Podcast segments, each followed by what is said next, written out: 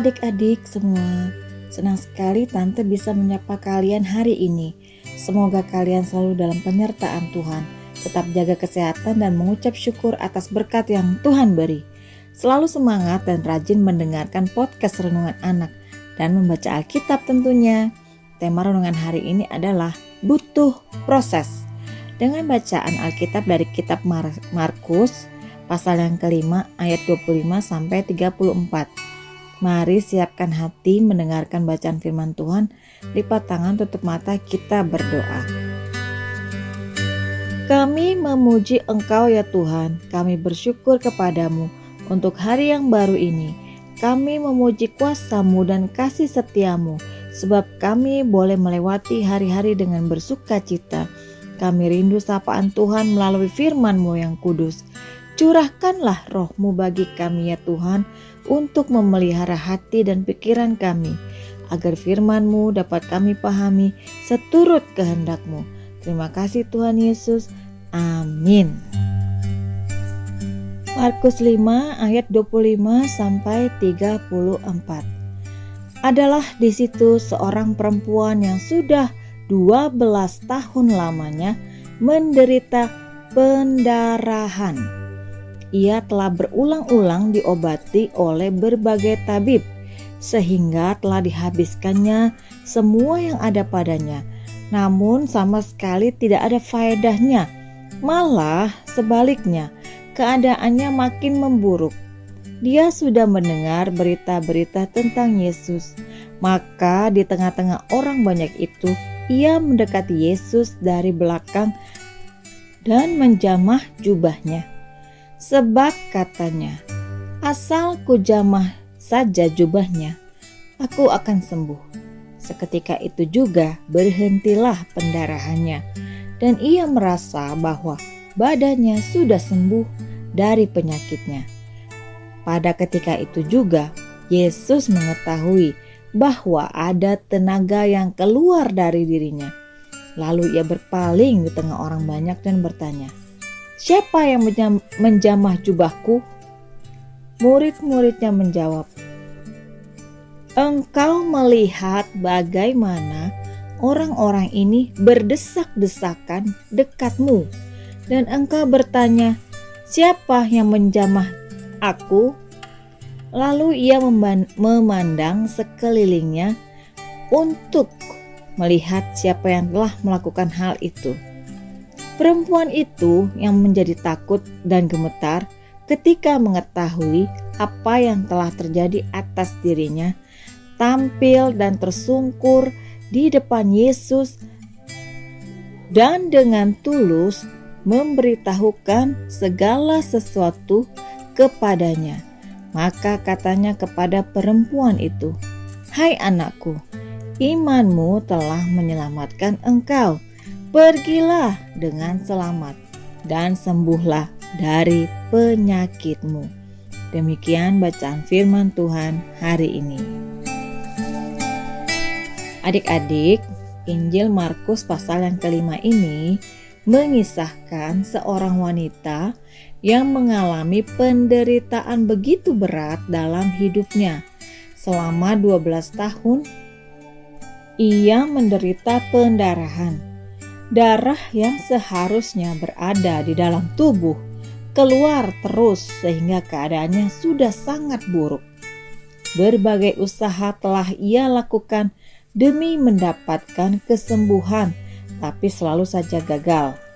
Bahkan sudah banyak tabib yang ia datangi, tapi hasilnya tetap nihil. Justru ia makin menderita karena sakit tidak kunjung sembuh dan semua harta yang ada padanya sudah ludes untuk biaya pengobatan. Adik-adik, secara manusia, wanita ini sudah tidak tahan dan putus pengharapan. Harapan untuk hidup rasa-rasanya sudah sangat tipis.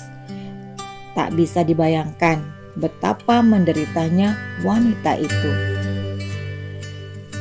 Perempuan itu mendengar kabar tentang Yesus Lalu timbullah iman dalam hatinya. Melalui kesaksian banyak orang, timbullah iman dalam diri wanita ini, dan ia pun mulai melangkah dalam ketekunan. Harapannya kembali timbul, dan karena pengharapan itu, ia mampu menerobos ribuan orang yang sedang mengerumuni Yesus. Wanita ini tidak mempedulikan kondisi fisiknya yang lemah, tetapi ia tetap bertekun dan berusaha menjamah jubah Yesus. Mata wanita itu hanya tertuju kepada Yesus. Untuk berjumpa dengan Tuhan Yesus, ada banyak sekali rangkaian tindakan atau perbuatan, atau juga yang disebut proses yang harus dilakukan oleh perempuan itu karena Yesus selalu dikelilingi oleh banyak orang. Ia juga tidak peduli dengan cemoohan dan hinaan orang-orang di sekitarnya. Karena fokusnya adalah bertemu Yesus, ia beroleh kekuatan. Wanita itu percaya dengan iman bahwa Yesus sanggup melakukan perkara besar. Iman dan perbuatan yang dilakukan perempuan itu membawanya kepada kesembuhan. Adik-adik di buku renungan ada seorang anak bernama Bintang yang sedang sakit kakinya karena keseleo akibat bermain skateboard. Bintang kesal karena kakinya tidak sembuh-sembuh. Dan Bintang curhat kepada kakaknya Bulan. Kak Bulan, kaki Bintang kok belum sembuh ya? Padahal sudah dikasih obat, diurut dan sudah berdoa juga minta kesembuhan, kata Bintang kepada kakaknya Bulan. Jawab Bulan, Bintang, kaki kamu juga butuh waktu untuk sembuh. Sabar saja, semua butuh proses. Kaki Bintang kan sudah lebih baik dari kemarin. Artinya ada perkembangan lebih baik. Tanya Bintang lagi. Memangnya kalau kita sudah berdoa minta sembuh, Tuhan tidak bisa ya langsung sekejap menyembuhkan penyakit kita, Kak? Pasti bisa. Apa sih yang Tuhan tidak bisa lakukan? Jawab Bulan. Tapi kalau penyakit kita belum sembuh, pasti karena Tuhan ada kehendak lain untuk kita. Mungkin Tuhan senang mengajarkan kepada bintang supaya bersabar, supaya ke depannya lebih berhati-hati Bukan berarti Tuhan tidak bisa menyembuhkan bintang seketika juga. Buktinya, Tuhan Yesus dalam sekejap menyembuhkan seorang perempuan yang mengalami pendarahan saat perempuan itu hanya memegang jubah Tuhan Yesus. Tapi perempuan itu mesti bersabar menunggu waktu Tuhan selama 12 tahun. Kata bulan. Iya kak, Bintang tidak sabar, maunya secepat kilat instan, kata Bintang. Padahal ada hal penting yang Tuhan juga mau ajarkan buat Bintang. Tuhan pasti menjawab doa kita. Bintang percaya Tuhan pasti menyembuhkan kaki Bintang. Adik-adik, saat sedang sakit dan belum sembuh, pernahkah adik-adik bersungut-sungut, marah-marah, Melalui firman Tuhan hari ini, kita bersabar ya, menunggu waktu Tuhan yang terbaik. Tapi kita terus percaya bahwa Tuhan memberi kesembuhan buat kita semua. Agar adik-adik semua selalu ingat, mari kita ucapkan, Aku mau bersabar menunggu jawaban dari Tuhan. Sekali lagi, aku mau bersabar menunggu jawaban dari Tuhan. Mari kita berdoa. Bapa di surga, kami sering tidak sabar menunggu kesembuhan dari Tuhan. Kami sering mengeluh, marah, dan kesal. Ampunilah kami Tuhan, kami mau menyerahkan sepenuhnya waktu yang terbaik ke dalam tangan kasih Tuhan.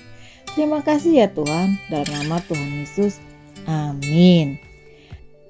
Demikian renungan kita hari ini. Adik-adik, kita mau belajar untuk bersabar seperti perempuan yang mengalami pendarahan 12 tahun. Dan ingat, adik-adik harus bersabar menunggu jawaban dari Tuhan. Tuhan Yesus memberkati.